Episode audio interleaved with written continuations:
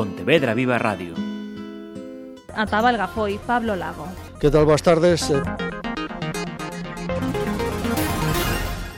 El responsable de la unidad informativa de Radio Nacional en Pontevedra nos acompaña esta vez para conocer su playlist. Pablo Lago Pita, bienvenido. Muchas gracias, bien hallada. Mira que llevamos tiempo hablando de esta playlist. ¿eh? Pues sí, pues sí, mucho tiempo. Has tenido mucha paciencia conmigo. No, en absoluto. Pero en tengo absoluto. que reconocer que a medida que se iba acercando el momento, pues me daba cada vez eh, más pudor, más vergüenza, para ser más claro, el tener que hablar de mi vida, que es la primera vez que lo hago y estoy más acostumbrado a hacer preguntas Ajá. que no a responderlas. Con lo cual, sí, ya es eh, difícil y de agradecer que habitualmente vengan a, a abrirse a pecho descubierto, como digo yo, más todavía en el caso de, de profesiones como, como esta, ¿no?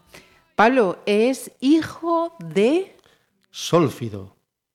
primera vez en la vida que escucho Yo creo este que nombre. mi padre, eh, que murió hace unos meses, no sabía ni él mismo de dónde venía ese nombre ni por qué se lo puso su, su padre.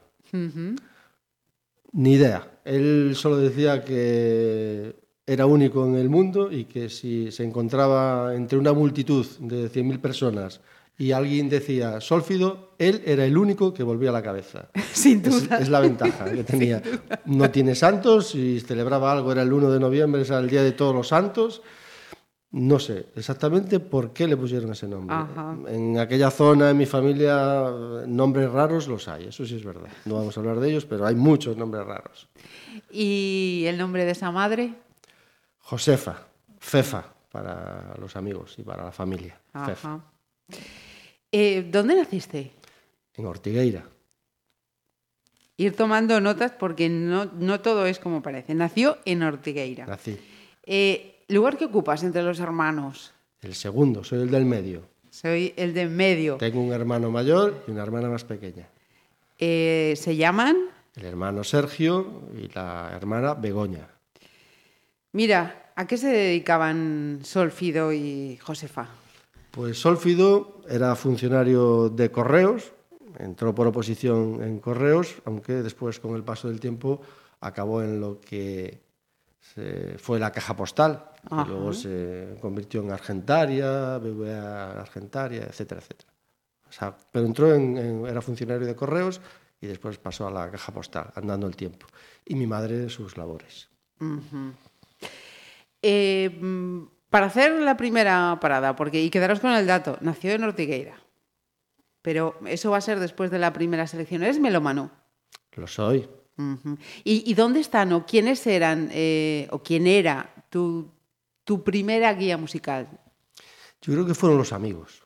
Aquellas eran épocas, no lo dije, pero eh, en noviembre, el 24 de noviembre, cumplo 60 años, quiero decir, que nací en 1959. Y entonces, si hablamos de esos eh, primeros años en los que uno eh, se asomaba a la vida y pues en casa había mm, lo que había, eran, eh, había carencias y música había poquita, no había mucha. Supongo que algo escucharía, sobre todo a mi padre le gustaban bandas sonoras de, de- de películas, eso sí que le gustaba, eso sí recuerdo.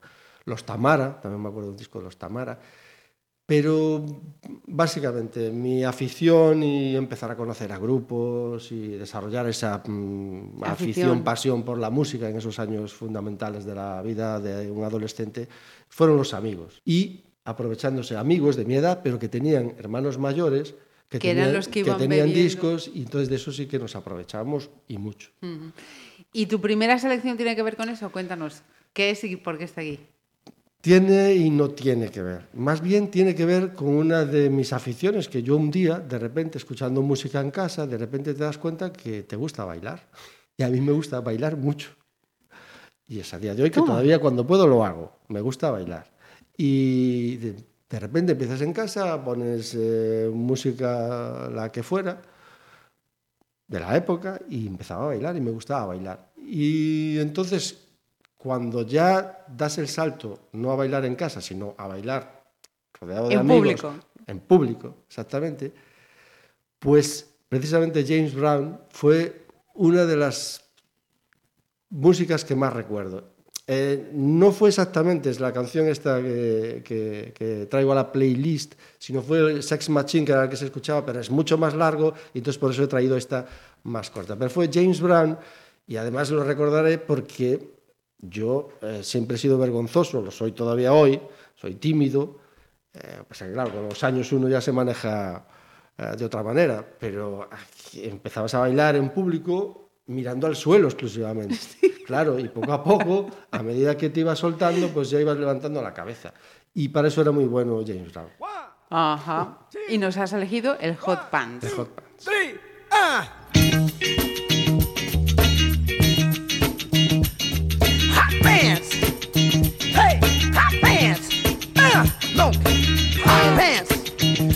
Smoking that hot pants. That's where it's at. That's where it's at. Take your pants up on. Uh, it looks much better time. My feet keep going. Girl, blowing my mind thinking of losing that funky feeling, don't uh, Cause you got to use what you got to get just what you want. Uh, hey,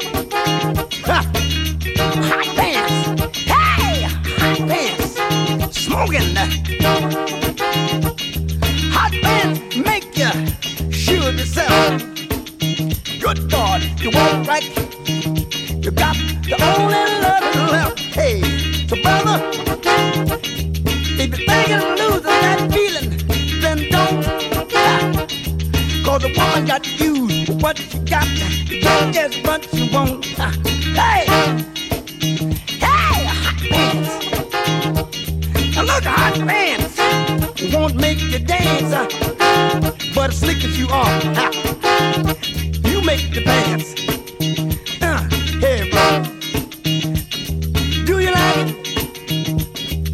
The girl over there with funky pants on, ah, she can ah, do the chicken all night long. The girl over there with the hot do the funky Broadway all night long. The girl over there with the hot pants on, filthy magnificent all night long. Get down. Uh, the one over there with the mini dress. I ain't got time. I still dig that dress. Get down.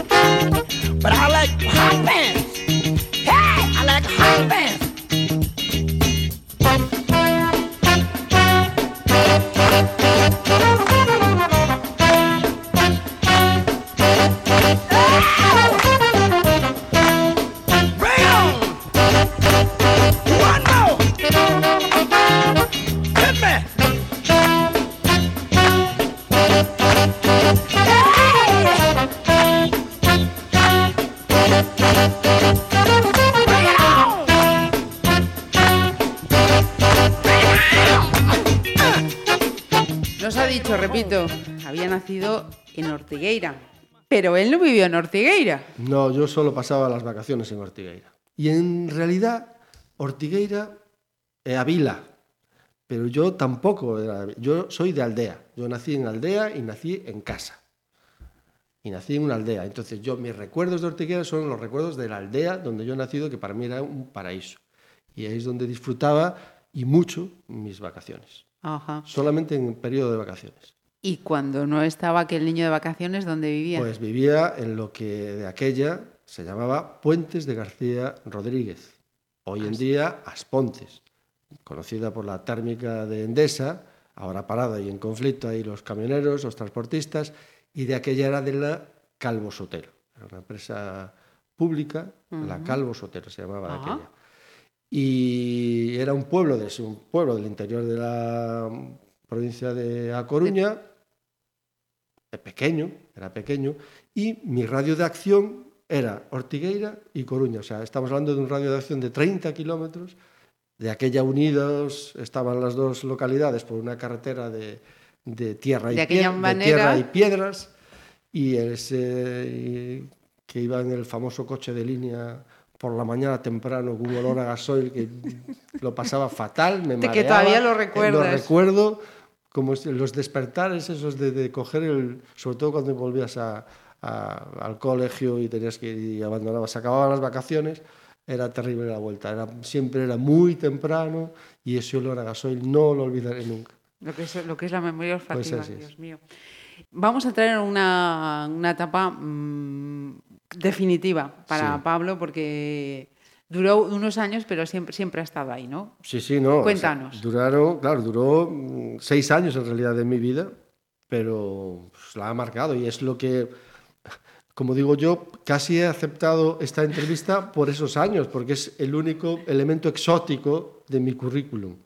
Y es que viví seis años en el Sáhara español, en concreto en lo que eh, en una localidad que se llamaba Villa Cisneros, hoy en día Dakhla, y en los que pasé seis maravillosos años de mi vida que me han marcado a mí y a todos los que vivimos allí.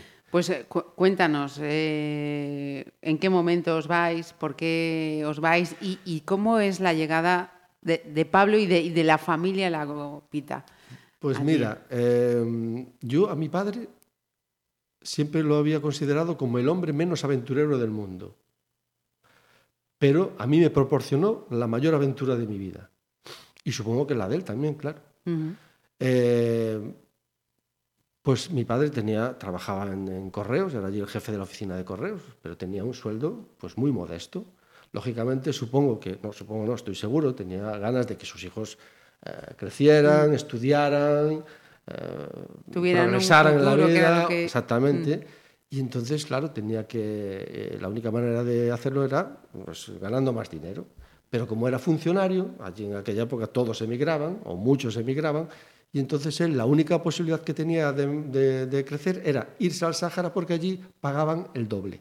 Ajá. Y entonces la idea de él y de muchos como él era ir al Sáhara unos años, ahorrar lo suficiente y volver para comprarte el piso, etcétera, etcétera, ir a vivir a lo mejor a, otra, a una ciudad donde pudieran estudiar mejor tus hijos. Nosotros fuimos seis años, pero hubo gente que pensando en ir cinco años acabó viviendo 25 o 30 años allí, porque aquello mm, enganchaba enganchaba, claro, era un paraíso. Bueno, pues de repente un día llegó a casa diciendo que era la segunda vez, luego nos conf- confesó, bueno, que era la segunda vez que solicitaba y que a la segunda se le dieron Sí. la- el destino y que nos íbamos al Sáhara. Yo ni idea, yo ya digo, ni idea. Fue una noticia en todo el pueblo, porque claro, lógicamente estudiar en un pueblo pequeñito y todos nos conocíamos, y en el colegio en el que estudiaba, pues decía, mira, Pablo, no sé, me enseñaban, Pablo se va a vivir aquí. Y hablábamos de leones, y yo cuando hablábamos de leones, pues recordaba lo que veía, las películas de Tarzán, que me apasionaban, por cierto. Me gustaban mucho. Y entonces yo estaba emocionadísimo. Y además, pues bueno, pues en aquella época el decir que vas a ganar más dinero, pues también estaba una circunstancia de que, claro, allí vivíamos con muchas carencias, aunque, en fin, de niño no las notas No. porque te adaptas, simplemente. Pero sí que había una que era un reflejo del nivel social, que era la televisión. Eh, estoy hablando del año 69. De hecho, esta entrevista también al final es en septiembre porque se cumple este mes 50 años. 50 años. Las bodas de oro de mi viaje, de nuestro viaje al Sáhara, a Villa Cisneros. Eh, ya digo, aquello fue, pues, en fin, se habló, se comentó muchísimo en, en el pueblo en ese sentido. Lógicamente después no tuvo nada que ver de lo que se hablaba se allí, de lo que se imaginaba, para nada, y te hablaba de la televisión. Entonces yo, eh, la televisión, no teníamos televisión en casa, íbamos a ver la televisión al casino, me acuerdo de las famosas eh, tardes de sábado viendo Viaje al fondo del mar, que me apasionaba, me gustaba muchísimo. O si no, pues eh, con el amigo más pudiente que tenía televisión, pues algunas veces también iba a su casa. Y cuando ya eh, la televisión llegó a la casa de uno de los amigos de la calle donde yo vivía, pues también a veces no íbamos a ver. Entonces yo tenía la obsesión de que si íbamos a, a tener más dinero, tendríamos por fin Televisión. televisión. Pero mi gozo un pozo, no se veía la televisión. Cosa que al final, pues hasta fue bueno, porque en fin, nos procuraba eh, que el tiempo libre lo dedicáramos a otras A cosas menesteres. a otros menesteres. Pero sí compramos televisión, ¿eh? Y además te lo puedo contar, compramos televisión, allí se veía solamente, teníamos unas antenas altísimas, altísimas es lo que yo recuerdo, en las casas, porque a veces la señal, gracias al viento, llegaba o bien de Canarias, a veces llegaba la señal, o si no, a veces, supongo, porque la capital, yo estaba, nosotros vivíamos en el, el Dajla Villacisneros, está en el sur, o sea, está cerca del trópico de Cáncer, y en el norte, a unos 600 kilómetros, está la capital, que es la Yun. Y ahí sí que se veía la televisión, ahí tenían televisión.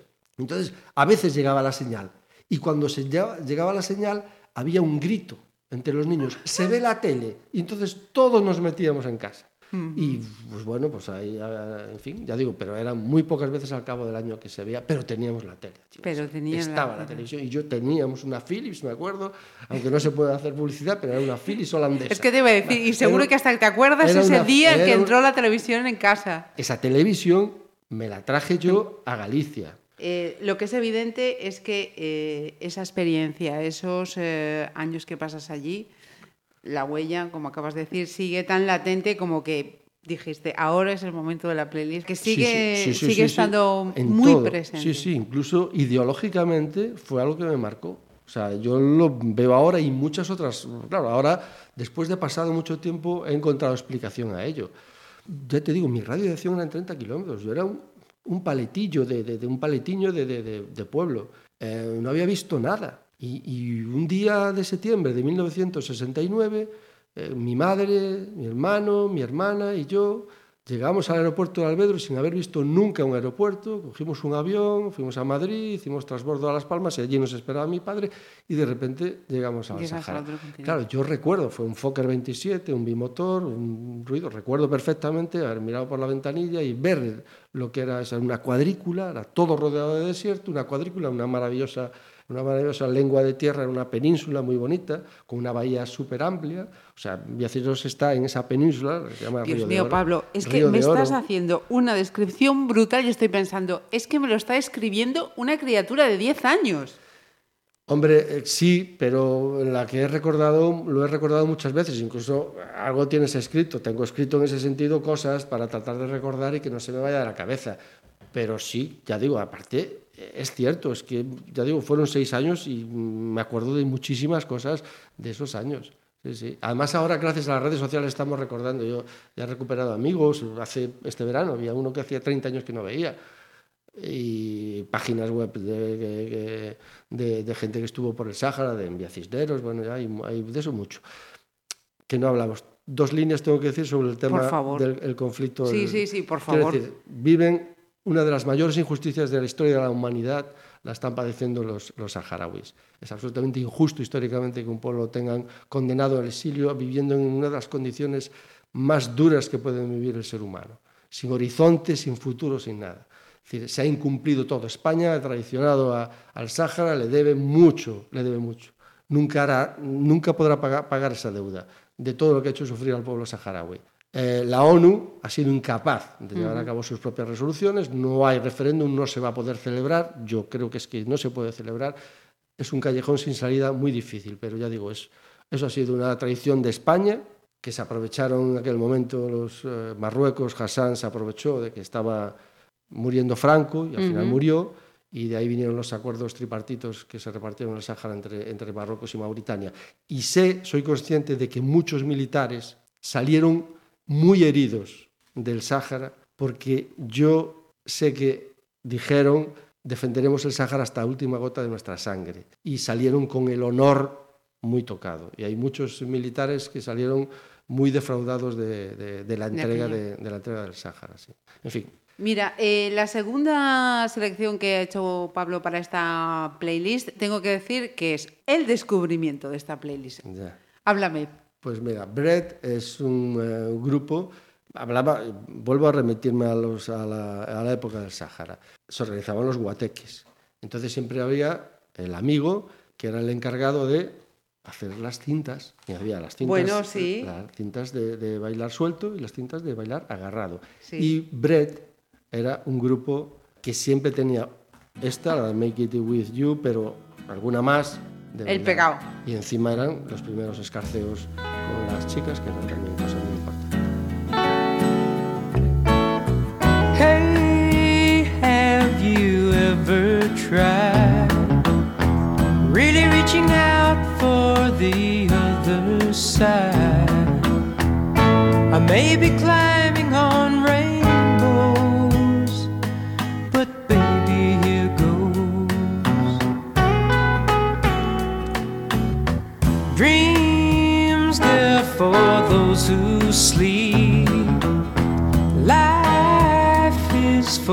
us to keep. And if you're wondering what this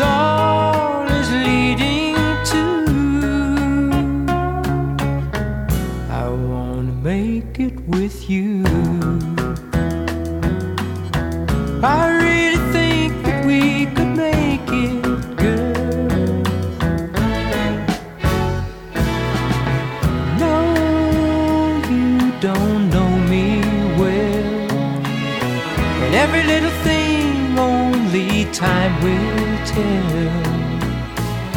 If you believe the things that I do, and we'll see it through.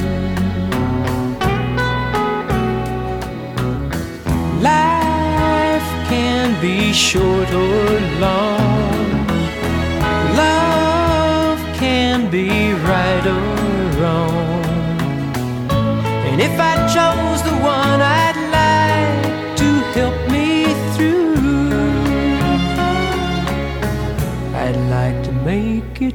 You.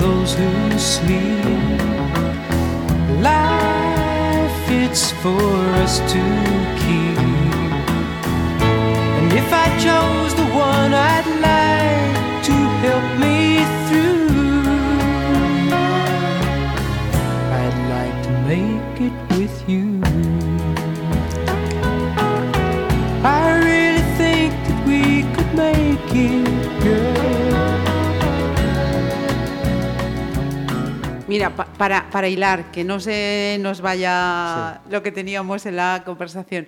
¿Y, qué tal aquellos primeros escarceos, Pablo? Yo, eh, si fui tímido, con eso lo era todavía mucho más. Eran esos famosos momentos en los que podías eh, acompañar a una chica en media hora sin abrir la boca. con eso te lo digo todo.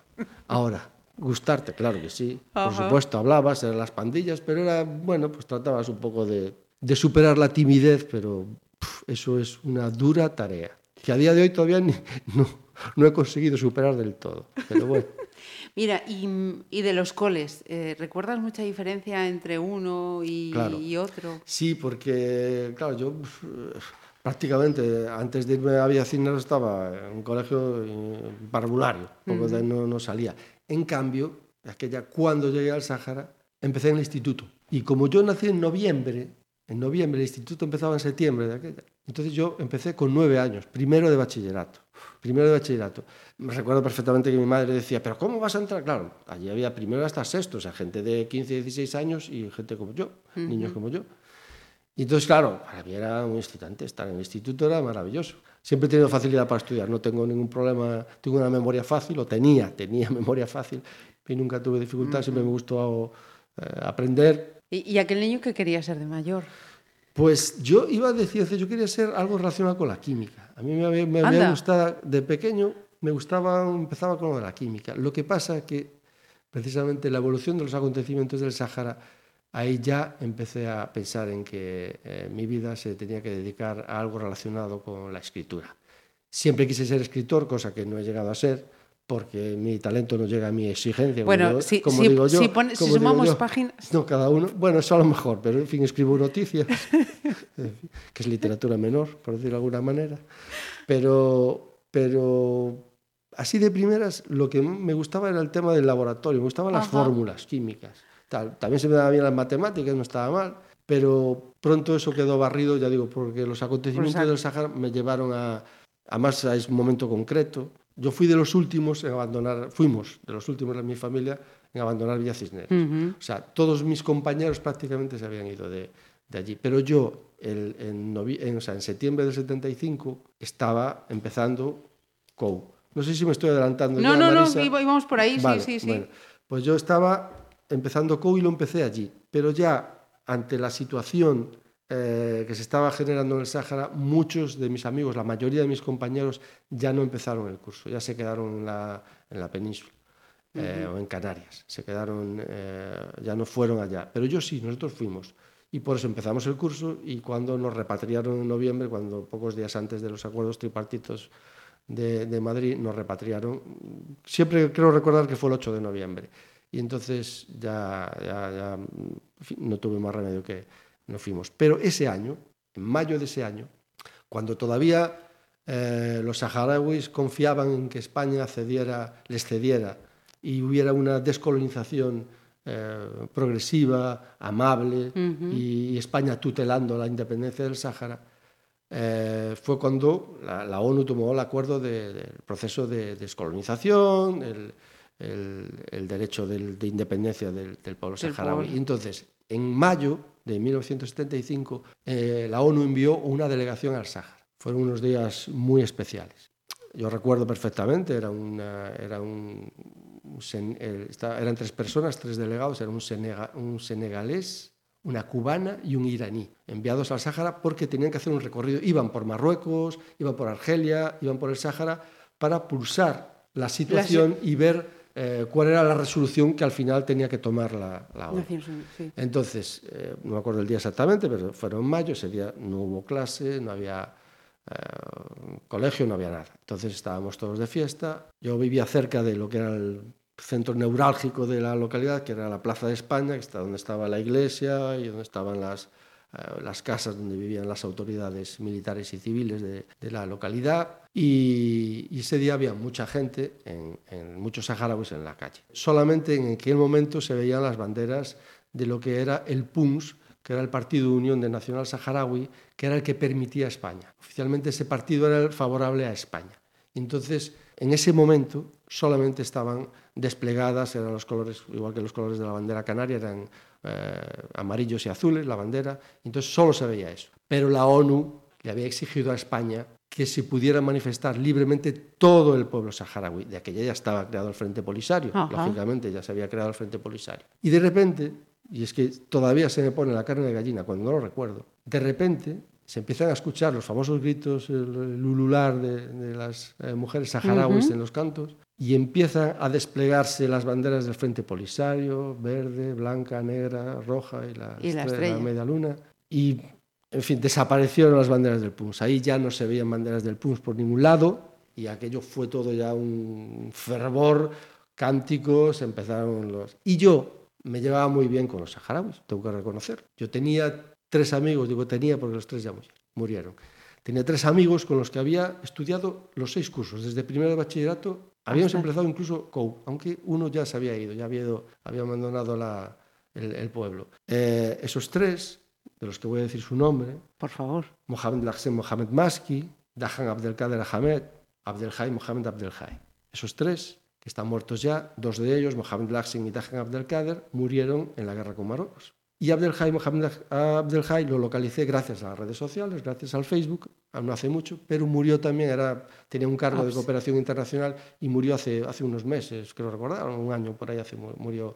Pues eh, ya digo, fue... Ellos tres no un de- habían- Esos tres estaban, y un desplegar. Entonces yo, ellos, todos los del Polisario, iban cubiertos con turbante, no, no, se, no se les veía la cara, porque tenían miedo a que una vez que pasara a la ONU, pues la Represión. policía exactamente hubiera represión por parte de las autoridades españolas. Pero a mí me conocían todos y me venían a saludar todos. Y entonces a mí me dejaban hacer fotos. Yo me metía por el medio de la muchedumbre y hacía fotos. Tenía mi cámara de fotos, tenía la cámara de fotos de unos amigos y tenía un tomavistas cuyas imágenes nunca he visto. Toma. Nunca, nunca las he visto. Y entonces yo iba armado con eso y estaba toda la muchedumbre y venían los periodistas todos, cámaras y tal, en los Land Rover descubiertos y tal. A periodistas a los que yo ya había visto y habíamos sentado en una residencia oficial donde estaban ellos eh, alojados y que íbamos allí a ver lo que hacían. Y a mí eso ya me empezó el formiguillo.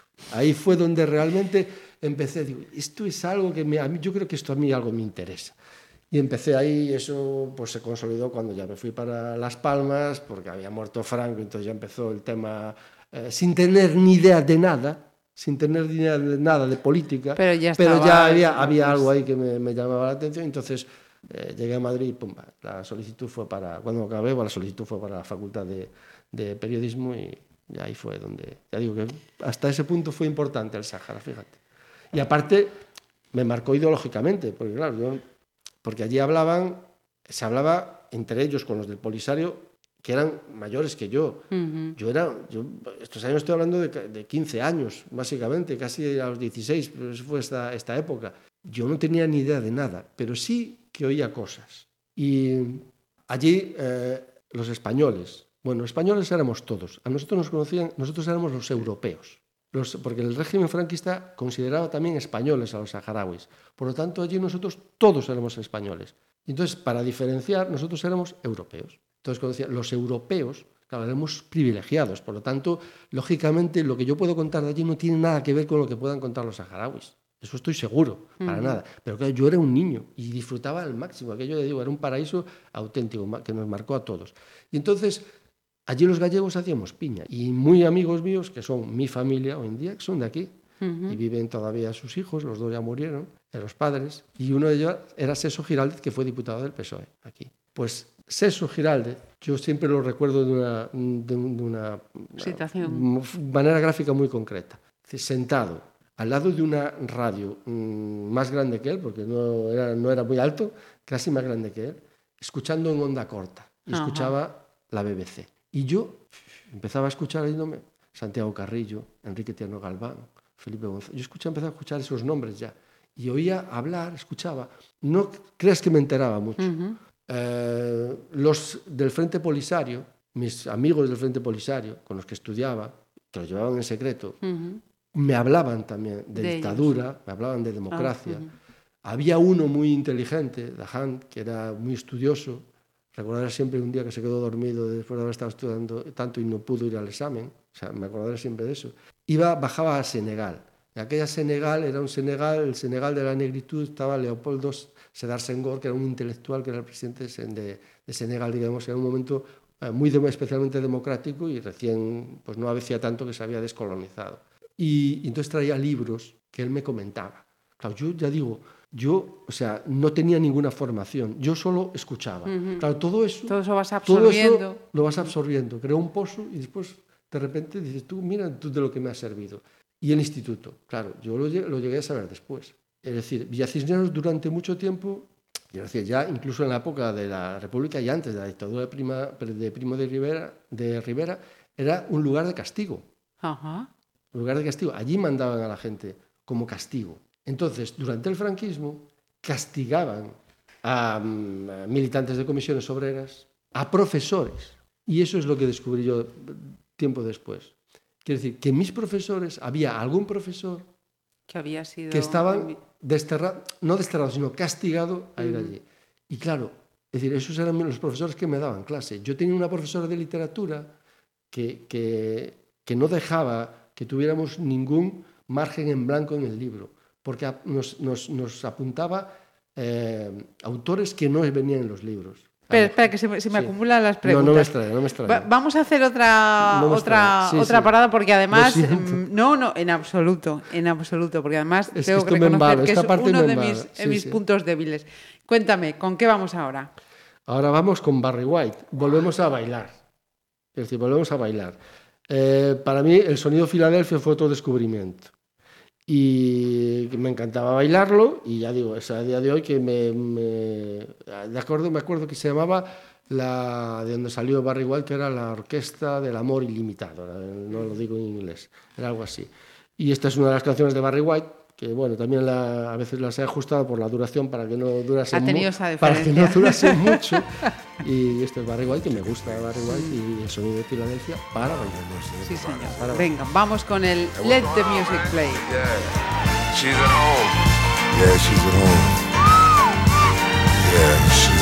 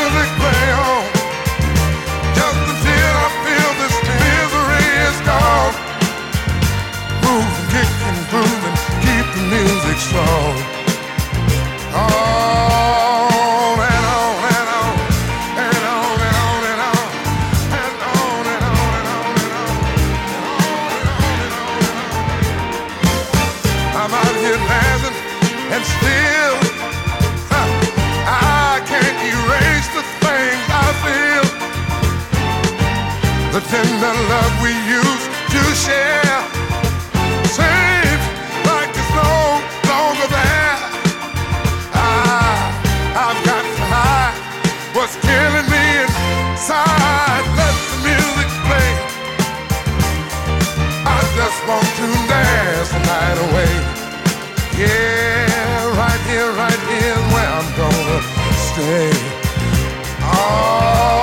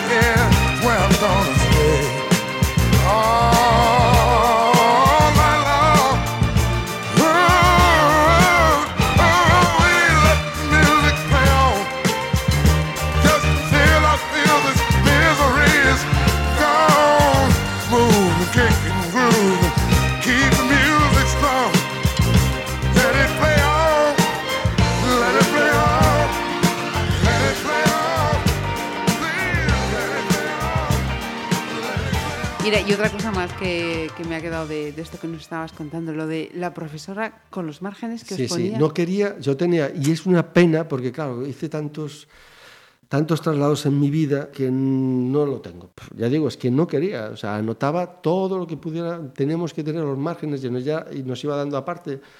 Miguel Hernández, yo no, no recuerdo exactamente cuáles Ajá. eran los autores, pero eran autores que no estaban en el libro y nos hablaba de ellos.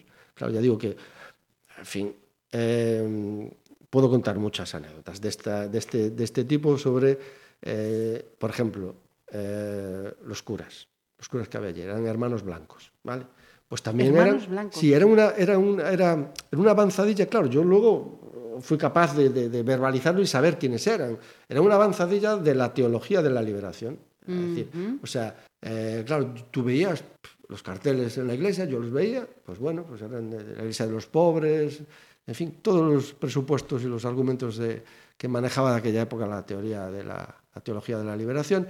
Y de repente, recuerdo que un día, en una homilía, el cura empezó a hablar de alguien que se dedicaba a arrancar esos carteles, porque no les gustaban los mensajes que, Que ellos daban. que daban. Y el- la persona que arrancaba los carteles era una persona de Fuerza Nueva. Sé perfectamente quién es, no lo voy a decir, pues, total, da igual, pero bueno, era una persona de Fuerza Nueva que llevaba la insignia de Fuerza Nueva. Quiero decir que te estoy hablando de que yo tenía 15 años y ese era el caldo ideológico en el que vivía. Es decir, para mí era muy especial. Ya digo que yo a lo mejor en aquella época no era consciente, pero eso todo me influyó. eh, Sí, pero con también va- mm, pienso que tiene que ser algo tiene que haber en la persona para que eso eh, cale. Sí, claro, era la, la educación en casa. Cale. La educación en casa, o sea, eso está claro y el, con- el contexto, en fin, o sea, eso, eso es así. Eh, no cabe de otra manera, porque, en fin, a mí siempre me dan la curiosidad por, por aprender, pues es una, Virtud que te acompaña. que siempre, no, no es, no es que sea virtud, es algo que siempre me han enseñado mis padres, que tenían un poco con lo que manejarse, pero que, en fin, había una, hay una imagen de mi padre, mi padre eh, hasta los 18 años tenía el carnet de conducir de profesión, de conducir, el carnet de identidad de profesión labrador, pero él durante toda su vida era buen estudiante, durante toda su vida sabía que lo que, único en la vida que no quería ser era labrador, Labrador. Como, sus, como sus padres. Y había una imagen que yo recuerdo siempre de él que, contaba cómo él iba a, a lindar las vacas, iba a pastar las vacas y se llevaba siempre un libro. Y Entonces estaba pastando las vacas leyendo su el- librito el que le daba su profesor, de la, estamos hablando de la, de la escuela republicana en, ese- en esa época, le daba el profesor eh, y él iba con el librito a, a, las vacas. Y es una imagen que siempre me gustó y tengo, muy- me, parece, me parece muy clara, de Solfid. Sí, sí. Exactamente, Sí, de. Solfid. Y ya digo, aquello era un paraíso en todo, ese era el caldo ideológico, cultivo. Mira, los eh, fines de semana, te voy a otra de las anécdotas que siempre cuento, claro, ya dije, era una, es una, peli- una península, eh, eh, Villacinero está en la cara interior de esa península, es una península pero muy estrecha, alargada, quien tenga curiosidad que lo vea en el mapa, y luego una bahía amplísima. O sea, había una bahía muy grande. En la bahía el agua era tranquila, como la ría de aquí. Sí, ¿vale? sí, sí, sí. Y en la zona del Atlántico, o sea, digamos que la península, el- el- el- la lengua de tierra esa, la península hacía de muro y el, el Atlántico al final había acantilados y era muy batido. Y entonces eh, Villacinos estaba en, en la parte sur de la, de la península. Y entonces nosotros íbamos a la playa eh, todos los domingos después de ir a misa. Eso era así. Y lo primero que hacíamos era ir a coger percebes. Todos los domingos íbamos a lo que se llamaba la playa del Cubo Verde. Y digo el cubo verde porque allí no había, lógicamente, nada. Y simplemente poníamos marcas para saber que ibas por una carretera de asfalto que era todo recta y de repente te metías en el desierto y te tenías que desviar en algún punto, pero había que saber dónde desviarse. ¿Dónde? Y era el cubo verde. El cubo verde. Entonces te desviabas en el cubo verde y seguías recto hasta que llegabas a los acantilados. Y entonces allí estaba mi padre, estaba Seso y Julio Patiño, que es otro de Coruña que también murió. Eh, eh, éramos los tres y entonces ellos tres iban a, a- a coger los percebes. Y nosotros los niños teníamos que avisarles de la ola. Nosotros avisábamos cuando, porque batía mucho, se metían con una piqueta a, los- a coger los Sí. percebes y yo decía hola, entonces agarraban, pasaba la ola y volvían, Y volvían a picar. Entonces metían, llevábamos, nos los llevábamos a la playa, ya a la zona de la bahía, una- unas calitas pequeñas, porque no había playas muy grandes, eran todo calitas pequeñas, hasta tal punto que cada uno tenía su cala. Quiero decir, la ca- en donde íbamos nosotros no iba nadie, nos lo respetaban y nosotros respetábamos, de to- todos Ah. sabíamos. O sea, a la, nosotros íbamos a la, la caseta de la ratita, que había un gerbo allí que aparecía de vez en cuando, una, una- una caseta. Y los gallegos iban allí y nadie iba allí. Y nadie iba allí. No, no, no iba nadie. Solo iban si venían con nosotros. Y, y cogíamos con, con los percebes y los cocíamos con agua de mar y, y nos los comíamos. Y unas Bueno. panzadas de percebes Bueno. que no serían tan buenos, como decía, como los, de- como los de Corme o los de... Pero me da igual, estaban muy ricos. Eso, fíjate, estaba, Estaban cuando lo estabas ricos, diciendo, digo, hecho. o sea, que a ti no te la pegan cuando te dicen, De este hecho- percebes gallego. Te dicen, no, no, bueno, este son más gallego pequeños. no Aquellos es. eran más grandes. Era cierto eso, los marroquíes estos que dices que vienen y tal, que son un poco de peor calidad. Pero estaban buenísimos. De hecho, para mí sigue siendo el, mi marisco preferido por excelencia, con diferencia. Entre los mariscos y el mejillón. Fíjate, son los dos que más me gustan casi. Mira tú. Los mejillones. En fin. Eh, ha habido una- un verbo que has utilizado que a mí me ha llamado la atención mucho. Eh, nos repatriaron. Sí. Eh, esos eran, eh, a partir, del, a partir de eso, de, de mayo, que se, se precipitaron los acontecimientos. ¿no? Cuando todavía en mayo te hablaba de la visita de la delegación de la ONU, en mayo del 75, los saharauis todavía confiaban en que España tutelara su independencia, pero ahí se precipitaron todos los acontecimientos.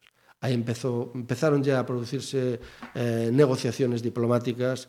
eh, siempre se recuerda una visita del ministro Solís a, Marruecos, que fue la clave para que se diera la vuelta a la tortilla. De repente España empieza a cambiar de postura, los saharauis empiezan a sospechar, eh, cada vez hay también más enfrentamientos, los saharauis empiezan a hacer ataques, los militares, en fin, empiezan a, a incomodarse un poco más, eh, la situación se empieza a poner un poco más tensa. En septiembre, ya después de, después de verano, había toque de queda, ya no podíamos salir eh, a la calle después de las 6 de la tarde, me parece, creo recordar. Había simulacros, de repente quedaba la luz en, o sea, el pueblo Se sin apagaba. luz, por si acaso tenían miedo de que hubiera aviones marroquíes en aquella época todavía, de que, bueno, en fin, por, por bombardeos y estas cosas, había simulacros. Eh, las cosas estaban así, ya vimos que ahí, eh, decir, No no, iba a durar mucho ya. Eso no iba a durar mucho. Eh, los saharauis, ya digo, cada vez se iban ya yendo más al interior sospechando que, que, que ahí había pasado algo, que España no estaba manteniendo la postura que había había mantenido dicho. hasta entonces. Y entonces, en fin, llegó la, la confirmación con los acuerdos tripartitos del, del 13, es, me parece, 8, 13, 13, 14, no me acuerdo, 12 o 13 de, de noviembre. los acuerdos tripartitos en los que España pues, cedió el norte a, a Marruecos y el sur a Mauritania. Ah, Y a partir de ahí, pues ya, a nosotros ya digo, el, el 8 ya nos repatriaron, ya nos dijeron, no, os tenéis que ir, que ya no, no, aquí abandonamos, abandonamos el Sahara. Nos fuimos nosotros a, a vivir a Las Palmas, pero se quedó mi padre, porque mi padre trabajaba en correos y tenía que entregar la administración a Mauritania. Y mi padre estuvo hasta a finales de febrero del, del 76 todavía. Vamos con la cuarta selección. La cuarta selección, vale, pues no todo era música de baile, de suelto o agarrado, y de repente los hermanos mayores de los que tenían discos, pues King Crimson es para mí un gran descubrimiento, también Epitaph, en este caso sí que es la canción que hubiera elegido, ellos tienen canciones muy largas, pero esta sí que es la que me gustaba a mí en su momento, y, y esto fue un descubrimiento porque era un rock progresivo, era absolutamente distinto, Sí, nunca había escuchado nada, nada igual, y me apasionó, en su momento me apasionó, y ya digo, esta era de la hermana, de mi hermana mayor, De un amigo. sí, un colega de, todas, de todos los días. Epitaph.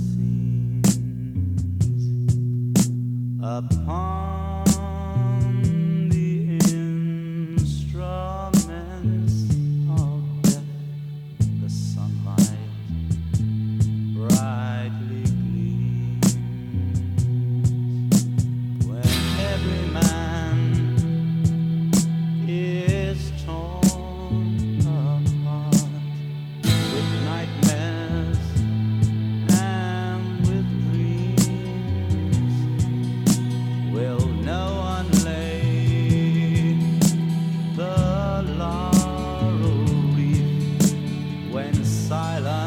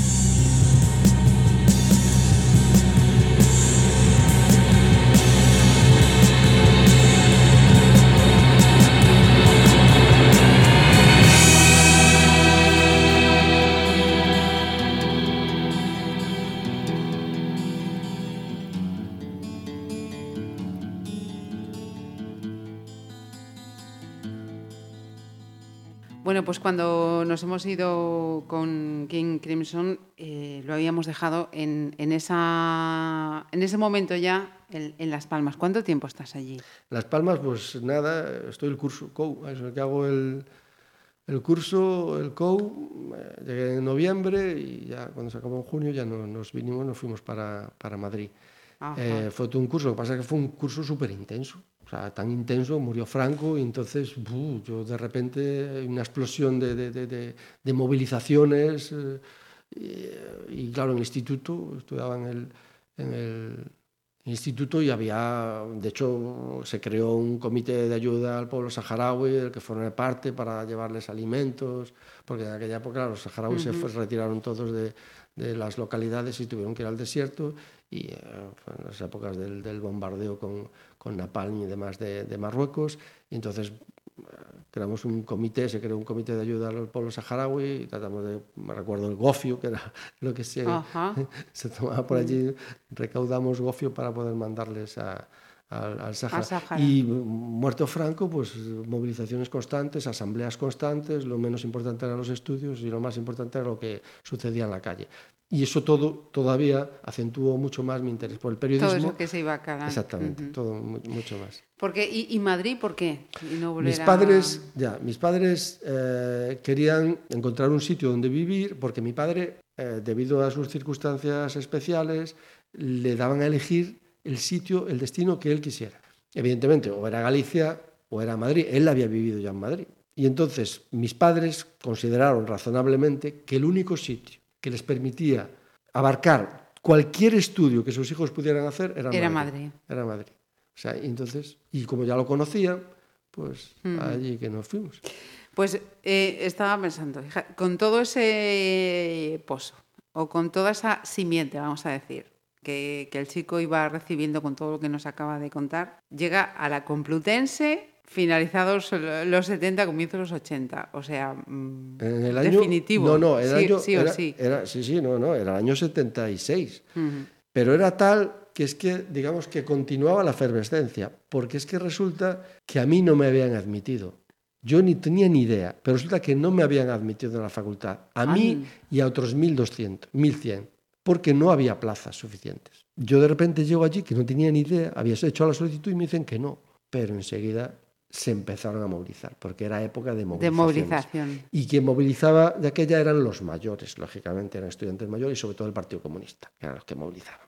Y entonces nos encerramos. Y eso generó también, pues, mucha amistad, camaradería entre los que no éramos admitidos, que al final conseguimos que nos admitieran a todos. Y, y así había clases de 150 personas, una barbaridad eso era la efervescencia de la época. Estábamos empezando la transición. Claro, eso te voy a decir. Sí, no, es que claro. estás en, en, en, un momento mmm, crucial de crucial. la historia reciente de este país. Totalmente.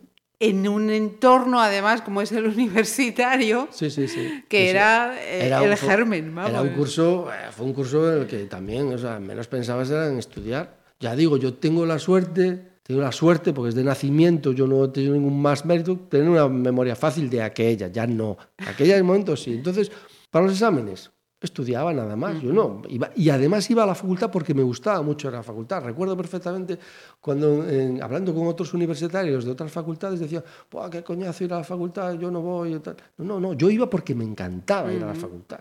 Y tenía unos compañeros, ¿verdad? empezaba, eran mis amigos, de hecho siguen siendo mis amigos hoy en día íbamos a la facultad, compartíamos momentos, había asambleas todos los días, casi todos los días, eh, estábamos siempre en pie de guerra por si venían los fachas, que de aquella estaban muy activos, sobre todo en la facultad de Derecho, que tenían allí un chiringuito montado, y entonces cuando avisaban que vienen los fachas, salíamos todos de clase, daba igual, bueno, hasta el profesor salía, o sea, uh -huh. quiero decir, de aquella éramos todos.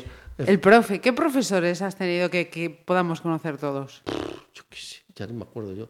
O sea, así famosos, famosos no tengo. Sí que mm. estudié con el libro de, del padre de mi compañero Pepe Aguinaga. Ese sí, de José María. Aguinaga, del libro. Sí que estudié por el libro del padre de mi compañero, que fíjate, uh -huh. andando el tiempo fue amigo y compañero. Y compañero. Y compañero Pepe Aguinaga. ¿Y, ¿Y la primera incursión laboral dónde fue?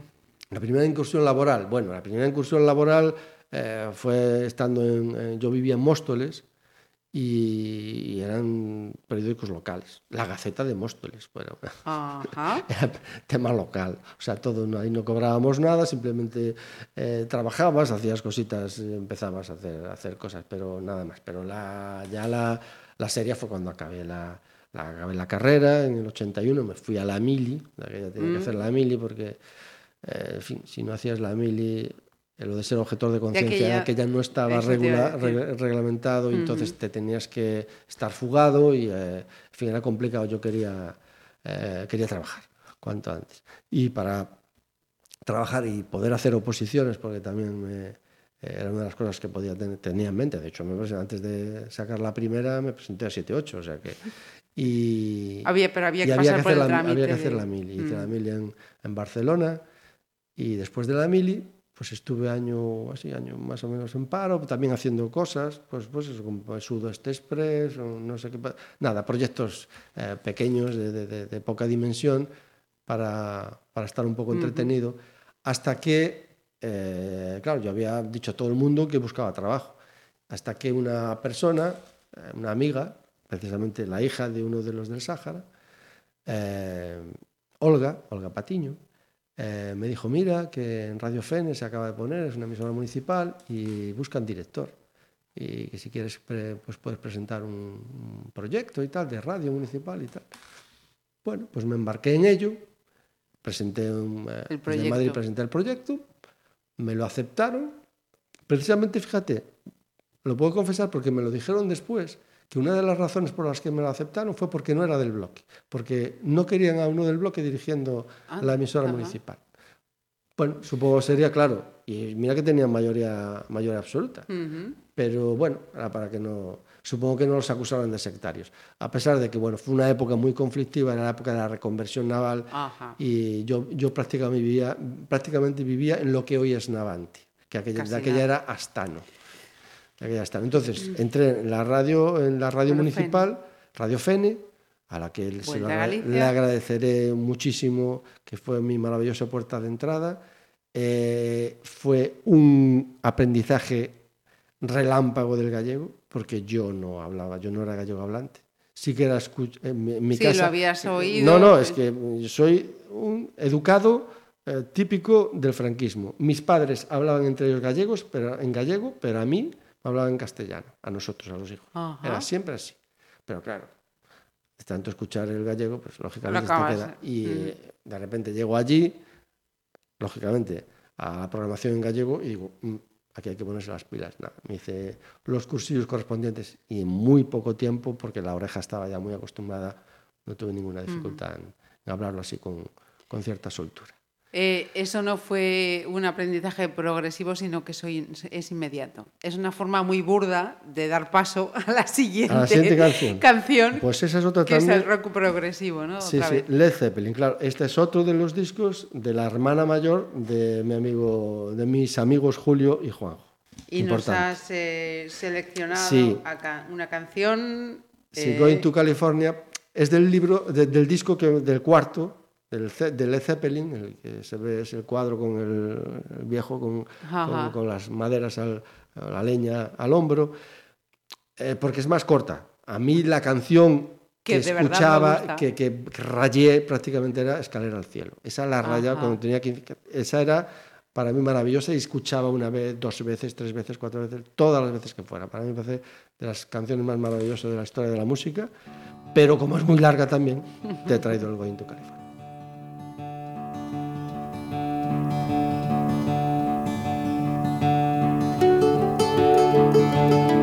Spend my days with a woman unkind. Smoke my stuff and drink all my wine. Made up my mind, make a new start. Going to California with an aching in my heart. Someone told me there's a girl out there with love in her eyes and flowers in her hair.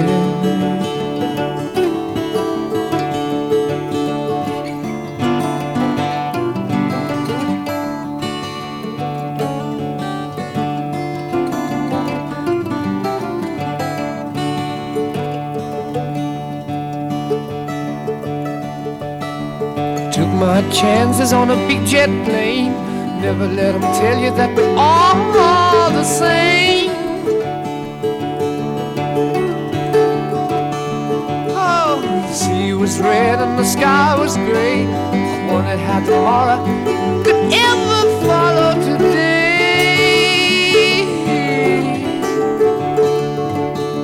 The mountains and the canyons start to tremble and shake. The children of the sun begin Watch out. It seems that the wrath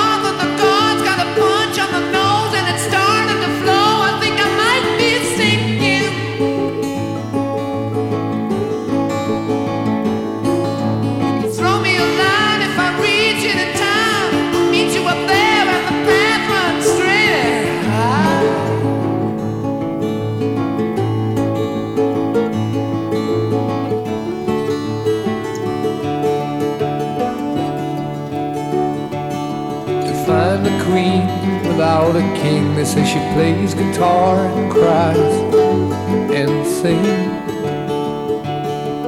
La la la. Ride a white mare in the footsteps of dawn, trying to find a woman who's never, never, never been born.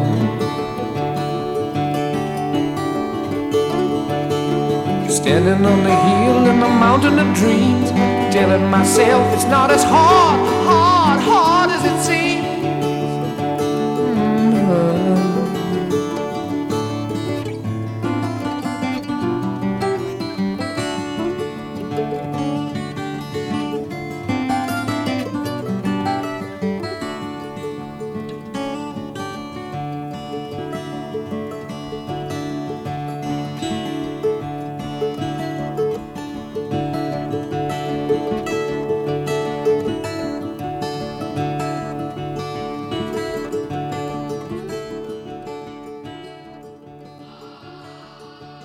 Estado civil casado. Sí. Con. Juana. Vamos a llamarla Juani. Juani. Para los amigos. Eh, ¿Cómo os conocisteis y cuándo? Muy fácil. Eh, después de haber estado en Radio Fene, yo llego a. Pues me entero, gracias a al compañero de, de casa con el que vivía. Oye, que he oído por la radio que hay oposiciones en, en Radio Nacional en Galicia. Sí, no me digas y tal. Ah, estupendo. Pues nada, entonces llamé y me dijeron, sí, pues mira, te puedes anotar porque, en fin, era una, una- era una, una oposición interna, digamos, era solo para Galicia. O sea, Ajá. no era una, una oposición que se hiciera para, como después tuve que pasar otra para en, en Madrid. Me apunto, voy a la oposición y la saco. Y nada más que eso. Fue, simplemente fue. Y las dos personas, además, fíjate, las- quedamos tres en la final, las dos, otras dos personas, a día de hoy, son mis amigos. también. Pero, Son- ¿y ahí Juani? No, todavía no, espera, Ah. todavía no. Entonces, eh, era un puesto para ser eh, delegado en Vigo, porque de aquella Radio Nacional no tenía nadie en Vigo. O sea, existía Radio Cadena, pero era independiente. Ah, Entonces, ¿sí? Radio Nacional no tenía nadie en Vigo. Y entonces yo llego a Vigo el 25 de noviembre de- del 85.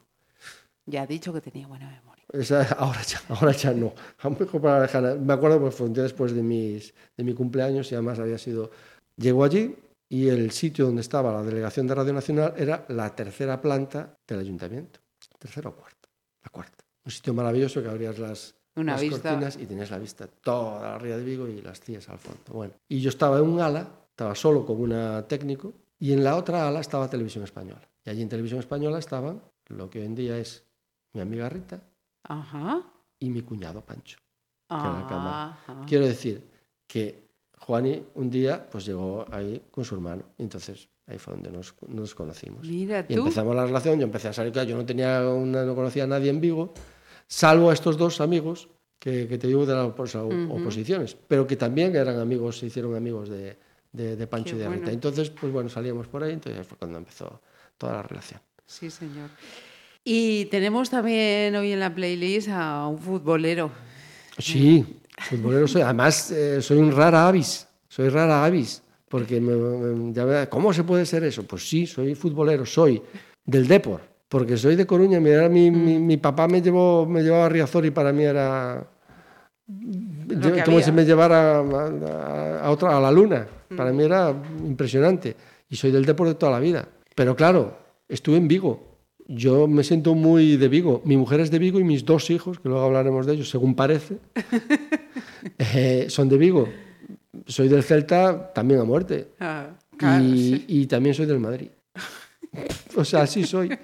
Así soy, por desgracia. No sé, del Madrid O sea que por- también por tradición, por mi papá. Haciendo combinaciones habrá partidos que lo pases fatal, pero yo sé Mm, yo lo paso que es que lo pasas Sí. fatal sea cualquiera de sea, los tres sí, o no. Sí, yo ya, ya no lo paso mal porque cuando juegan entre ellos, bueno, el Madrid es segundo, está en segundo lugar, ¿eh? o sea, primero es, también soy del Ferrol, soy de los equipos gallegos todos, a el Ferrol también. y- quiero decir, siempre gano, si empatan o, siempre voy con el que más lo necesita, básicamente, si tienen que enfrentarse, ahora ya está cada uno en una división no se enfrenta. Bueno, lo paso mal en el deporte, sí, porque soy muy nervioso, seguro que se ha notado en esta entrevista, y muy cardíaco, y me apasiona mucho el deporte. Y yo lo, lo repito, yo soy muy poco patriota, pero en el deporte soy muy patriota. Y me pongo muy nervioso hasta si España juega la petanca. O sea, yo me pongo nervioso hasta con... Es más, lo cuento siempre, me lo conté el otro día. Yo, el famoso gol de Iniesta en el Mundial de Sudáfrica, Mm. No lo no lo vi porque estaba dando paseitos por no sé dónde. Me emocioné como si lo hubiera visto, pero no lo vi. O sea, en el momento que marcó, yo no lo vi porque estaba de los nervios, o sea, estaba cardíaco. Y Qué pues bueno. mira, el Mundial del Baloncesto, ya no te digo nada. El fin de semana pasado. El semana pasado, yo vamos, es que mejor no lo veo porque no puedo. Si estoy en mando, pf, cambio, no puedo, es que no puedo. Dios mío. me- me- hasta me pongo tapones por si escucho el ambiente general y no va bien la cosa. Y me gusta mucho el fútbol, sí. Vamos a ponerle música, hombre. Bueno, esta es una música que tiene un poco relación con lo que contaba antes de la parte política de mis vivencias en Villacineros, en el Ajá. ¿vale? Quiero decir, esa- ese caldo de cultivo del que hablaba, ideológico, ¿no? que fue creciendo en mí casi sin yo darme cuenta. Pues esta es una cinta, la de Paco Ibáñez, que iba rulando por allí. Yo la recuerdo, la recuerdo en mi casa. Una cinta, que, una cinta gris, me acuerdo de una Bass. Y me acuerdo de, de- de las canciones de Paco Ibáñez. Sí, sí, me acuerdo. Y entonces he elegido esta canción porque recientemente la ha puesto también en colación Palabras para Julia. la puso Rosalía en una maravillosa, una maravillosa versión que hizo, que le he escuchado y que se puede escuchar en, en YouTube. Anda, esa no, Rosa- la... ¿No la has escuchado? ¿Escuchaste No. la de los chunguitos, la famosa? Efectivamente. No, no, pues pon, busca Rosalía, Palabras para Julia y la, tiene una versión maravillosa. Qué bien canta la chica. Bueno, bueno, pues mira, La- lo único que para el- personas como yo ya de tantos años, lo único que lamento de Rosalía es que se dedique al trap. Pero como se dedica, es una maravilla cómo canta. y, y hace una versión del Palabras para Julia de, de Paco Ibáñez en versos de Boite Solo.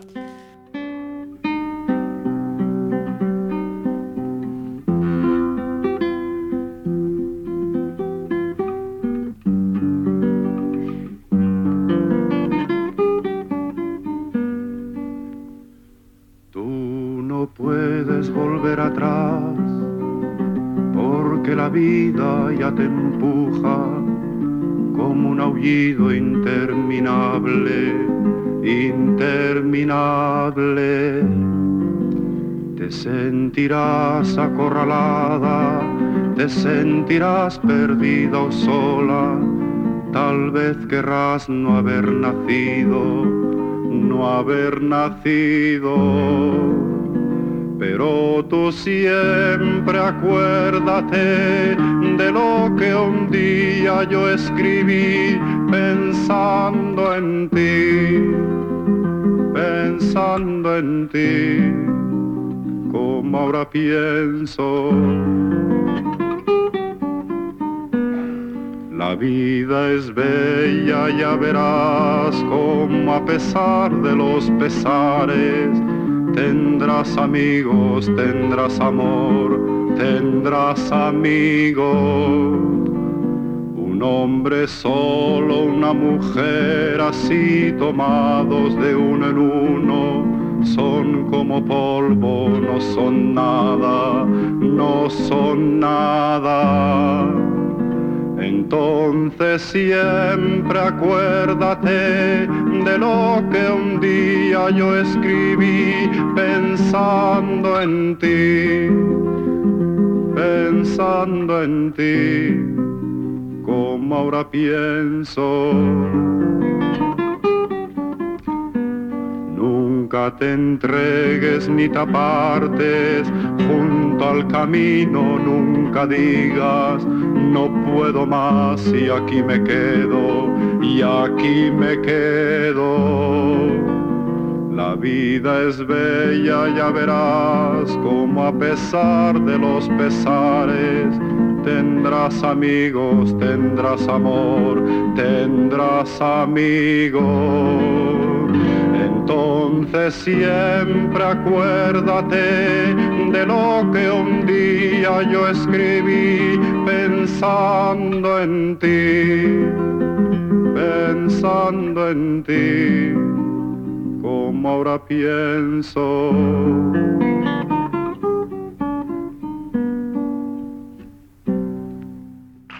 Nos hablaba de ese momento Vigo. Siempre has estado en el medio público, Pablo. Sí, Mm, sí. Yo creo que en esta profesión, los que vi- la vivimos desde dentro, pocas veces. Me he considerado un privilegiado siempre. Mm. Más, En ese sentido, por las condiciones laborales y salariales, no voy a ocultar el hecho de trabajar en la radio pública. Yo siempre en Galicia me he sentido un privilegiado.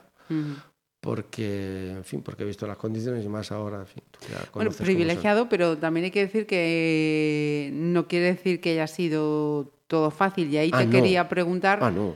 por ese momento que te pilla como jefe de informativos en Sí, Galicia. andando el tiempo, sí. Y llega ese momento prestige mm, que vamos, mm, Pues al poco, no es al- al- deseable. al, poco, al poco de aterrizar, sí, sí, un momento muy duro, muy duro, pero bueno, yo, eh, a pesar de lo que se pueda decir en cuanto a los medios públicos, no siento ninguna vergüenza Ujú. en absoluto del trabajo que hice y de lo que hice, y porque además me sentí absolutamente arropado por mis compañeros de Madrid, que evidentemente, lógicamente, llevan la voz cantante Ujú.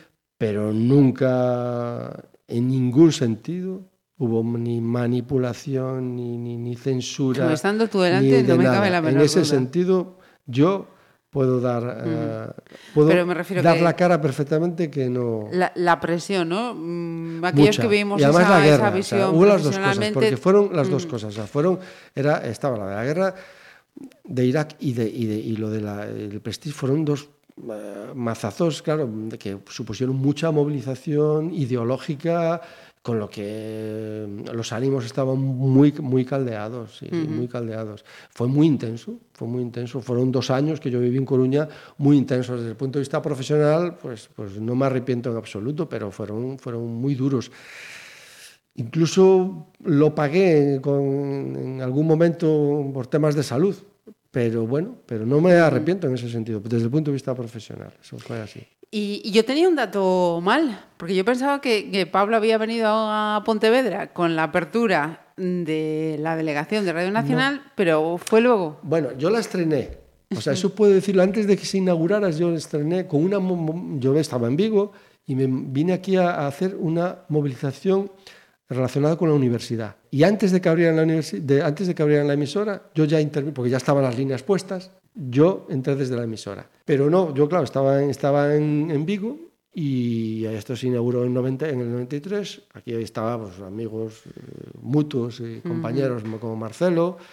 Eh, en fin, que era, y estaba el director Carlos, estaba el jefe Óscar, que está en Vigo, bueno, en fin, eh, es decir, gente conocida y, amigos. Y bueno, pues en el 96, pues me, hicieron la oferta de que me viniera aquí con el cambio, como aquí cada vez que hay cambio político, pues ya se sabe, las cúpulas de, de la radio televisión pública siempre cambian. Pues me ofrecieron la dirección de la emisora, yo en aquel momento en Vigo estaba un momento así delicado y me vine para aquí, en el año 96, a trabajar y a vivir en el 97 cuando acabaron el curso. Los ahí, chicos. Mi hija, mi hijo era muy pequeñito todavía, de hecho, el traslado lo hicimos el día de su cumpleaños. No hubo de- más remedio porque era el día que nos marcó la, la empresa de mudanzas y el pobriño. El Se 24 quedó. de junio de 1997 hicimos el traslado y era el cumpleaños de. Javier. Un Ajá. añito cumplía Javier. sí, sí. Vamos a hablar de ellos, pero antes nos vamos con otra selección. Vale, pues Cañera, esto, que esta claro, me sorprendió. Ahora empieza, además. no, bueno, esto no, no, eh, esto empieza, claro, esta es la época ya de Madrid. O sea, aquí ya los tres siguientes eh, son, eh, las tres siguientes canciones son ya la época de Madrid, la época de la, de la movida. Y Leño, pues es eh, un grupo que siempre me ha gustado mucho, me ha gustado muchísimo ir a sus conciertos, La- los, eh, los acérrimos de, de- de- de Leño te hacían disfrutar muchísimo más porque mm, eh, lo vivían con mucho entusiasmo los, los conciertos de- del grupo. Y la canción me encanta, es de las que me levanta, ¿Qué es? entre las cejas.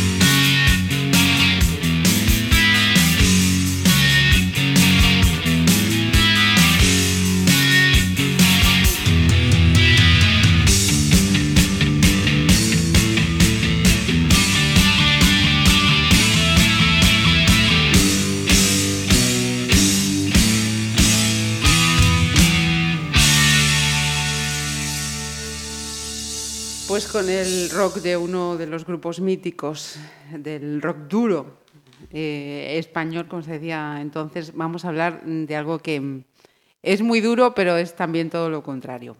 Hablemos de la paternidad. Hoy la paternidad, la paternidad. Ha nombrado a Javier, pero antes Sí, antes, estaba La Andrea. primera fue Andrea, sí, sí, Andrea, que tiene 28 y Javier 23. Eh, Y que me he enterado yo, perdona, Pablo, mm, pero me he enterado yo mientras hacíamos las fotos, subíamos y tal. Y mira que nos conocíamos, fíjate, un detalle. Se hizo padre el día del padre. Sí, sí, el 19 de marzo, sí, señor, de 1991. Estaba yo poco antes, antes de la medianoche, o sea, fue el 18. Acabamos de venir de la playa, de pasear por la playa, recuerdo, y ese día era, fes- o sea, el 19 era festivo ese año. Habíamos engañado a todos porque yo le había dicho que no quería a nadie allí, a nadie de la familia, aunque luego lo, lo adivinaron enseguida, pero no fueron, me respetaron. Pues eh, fuimos para allá, se quedó, allí se quedó, pero el problema fue que no, que no fue rápido ni fácil. Y yo, pues eso, me acuerdo estar porque todavía estaba en el vestíbulo, no me dejaban subir, todavía no podía entrar al hospital, eran otras épocas, de aquella no se podía ni Sí, mirar sí, para no, nada, no. o sea, ni, la, ni la- la zona de contracciones, ni mucho menos al paritorio, nada. Y estaba en el vestíbulo, pues estuve allí, yo- hasta que abrieron, hasta que abrieron el, el hospital y me dejaron entrar. Y después fue pues un poco terrible, porque claro, estábamos todos esperando el nacimiento de nuestros respectivos hijos, familia de tal. Entonces yo estaba esperando esa frase, que nunca llegaron a pronunciar. Oh. O sea, yo entré, imagínate, a eso, el día 18 a las 11 de la noche, imagínate. Y la niña nació el 19 a las 4 y 20 de la tarde. Imagínate todas las horas. Y es que ya no me decían nada. O sea, mm, o sea, mm, ya... Bueno, de hecho me llamaron una vez de lo, de lo mal que lo estaba pasando porque estaba bien colocada y en el último momento se retorció. Se Entonces, pasó como, yo creo que fueron hasta tres turnos de matronas. Y la última decía, no, no, que lo veo, que tal. Me llamaron incluso para acercarme hasta donde estaba ella, para que le dijera algunas palabras de consuelo a la pobre, a la pobre Juani que estaba allí. Y de repente, pues eso, estaba paseando como un preso en una celda y al darme una vuelta, de repente las veo en camilla. Y claro, pues me eché a llorar. Normal, claro, tantas horas aguantando. Casi me he hecho llorar, casi Sí, me he hecho llorar Vamos a llorar los dos ahora. Casi, casi, me eché a llorar. Y entonces, pues nada, y, mm, no le hicieron la cesárea, estuvieron, Sí. le hicieron una en fin, episotomía ahí un poco complicada y consiguieron sacarla sin, sin, sin cesárea. Y así fue como nació Andrea, muy Andrea. golpeada, muy golpeada la pobriña, yo lo dije gráficamente. Se lo he dicho ya a ella, pobriña, porque se golpeaba contra la pelvis de la madre en cada contracción y, y tiene una carita un poquito deformada cuando, cuando nació la pobre, de tanto que sufrió. Luego, luego Javier ya fue Luego más Javier fue más fácil, Javier fue más fácil, pero también nació una... Una fecha un día- señalada, sí, señalada. día de San 20 Juan. El día de San Juan, 24 de tal. O sea que yo de hogueras esa noche no fui. Esa noche no fui de hogueras, pero Javier fue de- también, de madrugada todos fueron. Javier fue a las, por la mañana a las 8, por las 8 y media me parece que nació. Pues fíjate, Javier fue más madrugador. Os invito a que repaséis las playlists y veáis la playlist de Javier Lago. ¿Has tenido alguna vez padre e hijo en playlist? La No, playlist? no, O sea, no. Hoy se caso. cumple, hoy se cumple. El único caso, caso. el único caso. Y decía, mm, en aquel momento me hablaron del Pablo padre en tercera persona y yo ahora pregunto, ¿cómo es el Pablo padre? Ay, madre mía, yo pretendo ser un buen padre, comprensivo, generoso, abierto con sus hijos. No lo consigues. Hay demasiada cercanía muchas veces y, y- y no lo consigues. He intentado ser lo mejor posible, espero que, yo creo que sí, yo creo que en la formación ellos eh, son gente mm, humana, generosa, esforzada, curiosa, constante, yo creo que esas virtudes eh, que uno trata de transmitir, si es que las tiene, pues para que se defiendan en la vida, yo creo que sí. Yo ahora Andrea está en Londres, pero bueno, ahora gracias a Dios con los Hay herramientas nuevos, para que esté un poquito más cerca. Exactamente, para verla, el, el roaming es maravilloso. La Unión Europea es maravillosa, Inglaterra, Gran Bretaña es maravillosa, la Unión Europea. Piensa en tus jóvenes, en el low cost, en el Erasmus, en las ventajas. Dale, dale. Dale, sí, sí, en fin, ¿Y inexplicable. mm, ¿qué, qué aprendes de ellos? Pues muchas cosas. De hecho, me- me- me- ahí ya digo, las ya no solo eh, cosas nuevas que me, que me aportan, pero ves que, es que son mucho más libres que, que lo que éramos nosotros. Quizás lo que menos tengan es un poco lo que teníamos de aquella, que tantas carencias había que desarrollábamos una tolerancia a la frustración impresionante. Es lo que menos tienen, porque sí que es verdad que son- tienen de todo. Entonces la abundancia eh, genera más problemas en ese sentido. Tienen más problemas, lógicamente, porque tienen mucho donde elegir y, a vez- y es mucho más fácil elegir donde hay poco. Pero aprendo que son mucho más libres, mucho más generosos, más humanos, más abiertos, más comprensivos con todos, eh, eh, entienden perfectamente al otro, tienen mucha más empatía. Yo era mucho más cerrado, o sea, yo reconozco que era, era más... Y eso todo me lo contagian y espero poder devolvérselo algún día. Si no se lo estoy devolviendo ya, claro. Eh, vamos a confesar una cosa. Resulta que mm, no sé si utilizar el verbo guardar o coleccionar papeletas electorales. Electorales y otras cosas. Ahora ya no lo hago tanto porque ya, es decir, ya no tengo tanto complejo de Diógenes y sobre todo porque me echan muchas broncas. O sea, muchas broncas. Claro, es que a mí siempre me ha gustado mucho hacer archivo. Yo una de las primeras cosas cuando llegué aquí a la emisora fue hacer un archivo y todavía está. Y eso pasará y espero que algún día alguien mm, pase un siglo, los que pasen lo dejen, no lo, es papel esa historia. Y en mi casa igual. Tengo en el fallado de, mi, de la casa natal de, de- de la aldea, pues hay mucha documentación. En mi trastero hay muchísima documentación. En mi casa cada vez hay menos porque me obligan a, a- a retirarla. De hecho, hacer- hicimos un expurgo aún no hace tanto. Ujú, Y yo lloraba, lloraba casi. ujú. Y, pero tengo ahí una serie de recuerdos que, que tengo en una caja que los conservo y están eso, las famosas papeletas, claro, ya en el 77, que, que, que no hablamos de ella, de, de- de- de la época de Madrid, eh, la efervescencia política, lo que mm, eh, comentamos un, poquito, apuntamos un poquito, que había mucha efervescencia, y claro, esas papeletas, claro, es que los candidatos eran Adolfo Suárez, Felipe González, Santiago Carrillo, o sea, etcétera, etcétera, Tierno Galván, o sea, esos eran los candidatos, los cabezas, los candidatos. Claro, esas, esas papeletas, pues a mí me gustan mucho verlas. Y, y los tengo. Em, lector además empedernido. Bueno, Eso es otra de las también con los que también tengo. En el expurgo este que hicieron me sacaron libros para también para el trastero y para el fallado. Libros de elige. Ya están ahí, pero por ejemplo todos los infantiles me los han sacado todos y a mí me encanta. Bueno, me he guardado, me he guardado el, alguno que tengo por ahí por, por cierto cariño, pero claro, porque es que no tengo espacio ya. O sea, Los, los libros, de- los, los o sea, cuentos los- de... O sea, los cuentos sí, que yo contaba y que me les da- regalaba, todos esos los tengo en cajas bien organizados y bien marcaditos, pero me los han llevado porque es que, claro, tengo que meter los libros nuevos que compro, porque, en fin, a mí me gusta comprar uno o dos libros al mes, es- así, así lo, lo suelo, suelo hacer. O sea, uno o dos al mes. Ah, sí. 24 A- a lo libros mejor. mínimo te... Claro, puede ser, sí. Bueno, y ya eh, llegamos a épocas de Navidad, claro, bueno, ahí paro de comprar yo porque ya sé que me Ya llegan. Ya, digo, libros. eh, es así, o sea, no es ningún mérito, pero Mm. yo leí Hamlet a los 14, pero porque estaban allí en mi casa y porque tenía pocos libros. Pero el libro de los libros, que a mí me abrió los ojos mucho, fue un diccionario enciclopédico, de Plaza y Janés. Sí, señora. Para mí era lo más divertido, era una ventana al mundo.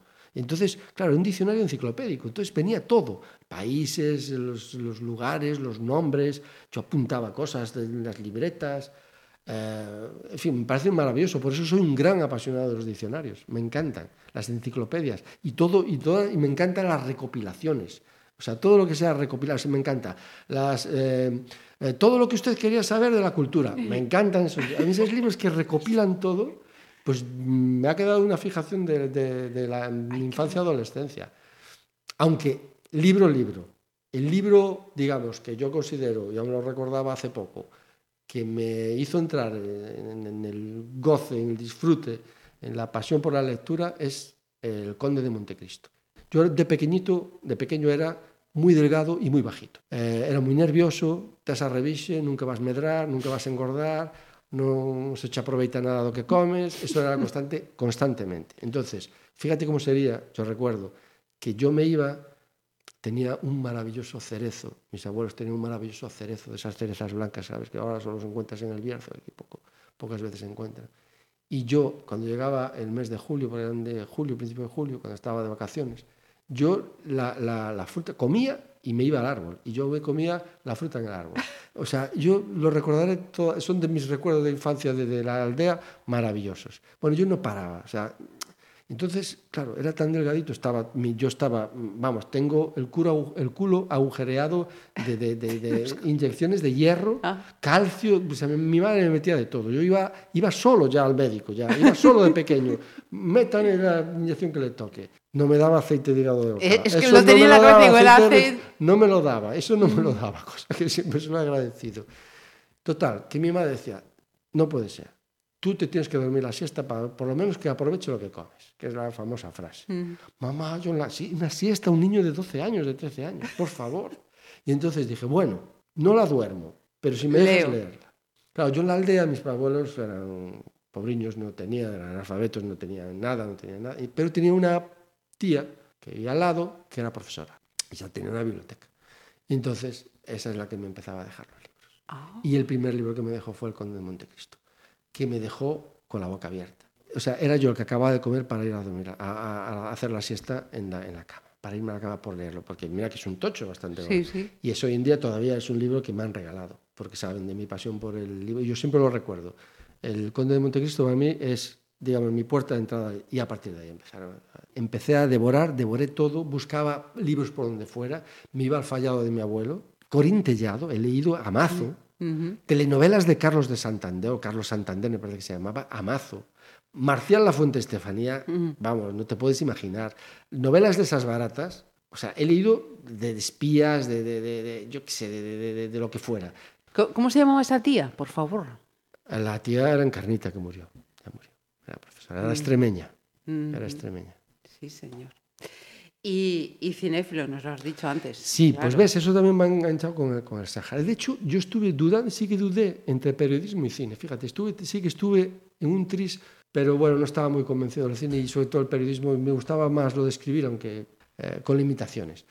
Te decía que en el Sahara no había televisión, pero sí había cine. Cine. Dos cines, Dos. dos. El cine Sáhara y yo, mi primera casa, porque tuvimos dos casas, mi primera casa, que era muy curiosa, estaba al lado del cine Sáhara. Y el cine Sáhara, que además mi padre le llevaba las, tuvo un tiempo que le llevó las cuentas. Y yo, fue mi primer trabajo, que fue de taquillero, ¡Anda! de taquillero de cine. Sí, señor, tengo 14 años, hacía, vendía entradas de cine. Y lo bueno que tenía eso era que eh, me ponía, si la película empezaba a las y media, yo me ponía de taquilla a las cuatro y cuarto, por ejemplo. Recuerdo las, las cuatro y cuarto porque eran las películas de mayores, ¿vale? Mayores de 14 años y tal. Yo ya no- todavía no tenía 14 años. Y, o las de 18, que alguna vez me colaba también. y entonces vendía las entradas, y la película empezaba a las cuatro y media. Había nodo, Sí. pues 5 menos 20 y tal. El nodo, el descanso y luego la película. Decir, la película empezaba a menos cuarto. Bueno, entonces yo vendía las entradas, pero cuando sabía que iba a acabar el nodo, Ya las estabas- entradas se las daba al del bar, que estaba enfrente. No, no, pero eso era así. Y entonces decía, "Y yo me metía a ver la película. Y, me- y mi mamá me metía, para que no me vieran, si era de mayores, para que no me vieran, me metía en el palco que estaba al final del todo, del cine. Y me metía en el palco a verlo. Y ahí y hacíamos además con mi hermano, hacíamos las, también las, las, las, bueno, las pizarras donde se anunciaban las películas. Hacíamos, pues, y ponían el cartelito, lo pegábamos y poníamos las, pues, sesión a la tal, tal. Y había cine todos los días, todos los días. Y yo íbamos, o sea, dos veces, o sea, todos los días íbamos al cine. O sea, todos los días no, pero tres veces íbamos al cine, por lo menos. Entonces, claro, ahí desarrollamos una pasión por el cine absoluta. O sea, viene de ahí y demás, el gusto por lo, por lo, por lo audiovisual. Bueno, pues vamos con, con ver, otra canción Claro, entonces. bien, época también, época de Madrid, Polis. Para mí Polis fue un descubrimiento, una pasión absoluta, a tal que eh, de aquella época de estudiante no tenía un duro, no teníamos un duro. Fuimos a ver si nos podíamos colar a un concierto eh, que daba Polis en Madrid, en el campo del Moscardó. Fuimos andando hasta el campo del Moscardó, o sea, yo no sé, dos horas y pico, ¿puede ser? Sí, perfectamente, desde donde estábamos nosotros, Caray. dos horas y pico, y volver otras dos horas y pico. No nos colamos, por supuesto, y hicimos el parvo allí a la puerta escuchando nada, que no se escuchaba nada. Pero a mí Polis me, me- en su momento me encantó, me apasionaba. Has elegido el Soul Only. Sí, también, bueno, es una canción que me gusta, pero también por el- la duración, y adaptarla y tal, aunque bueno, eh, Polis sabía que se podía elegir más, pero esta me gusta mucho.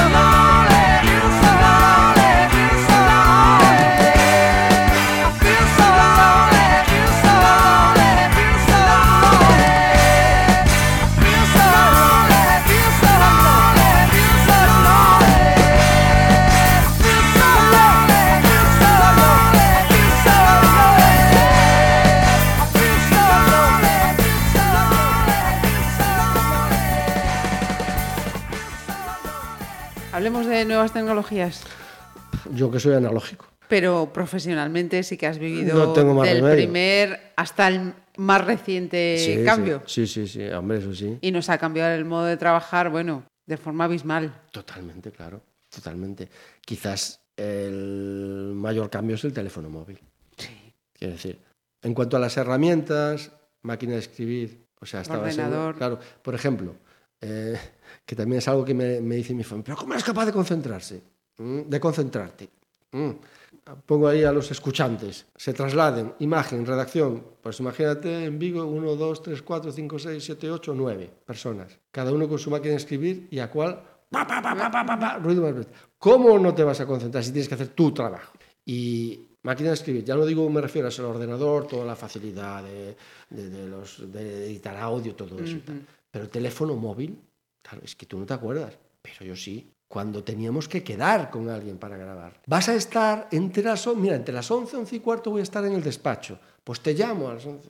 Era así. Fíjate, a día de hoy todavía lo cubro. La Escuela Naval de Marín. Ajá. ¿eh? actos famosos actos de, del Carmen, yo los cubría. Tenían una centralita antidiluviana que no se escuchaba nada. Era imposible grabar nada por esa- con esa centralita. Entonces yo tenía que salirme y irme a la delegación de Hacienda que estaba enfrente. No sé si sigue estando o no está, no lo sé. Y recuerdo prolongarles la jornada laboral a los funcionarios. Pedírselo, por favor, digo, ¿me podéis dejar y tal? Que, Mira, es que tengo que hacer tal, grabar esto y tal.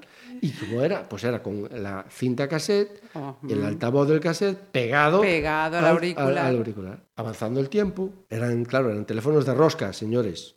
Para, la- para las jóvenes generaciones. Eran de los que se marcaban, ¿vale? De Sí. rosca. Tendrán que buscar en Google porque no- Eran teléfonos que se desenroscaba. El micro se desenroscaba. Y entonces, era un, adapta- un adaptador que era como una pequeña mesa de mezclas. Y ahí a través de unos cables, pues, pues, metías el cassette El y ahí metías directamente por la línea telefónica, ¿vale? Pero claro, para eso tenías que desenroscar eso. Entonces, la estación depuradora de Lérez eh, vine yo a inaugurarla. Y vine. Y claro, había que entrar. ¿Y dónde entré? Pues donde encontré. En la tienda de la parroquia de no sé qué. No sé ni dónde fue. Y entonces, claro, las llamadas además eran a cobro revertido.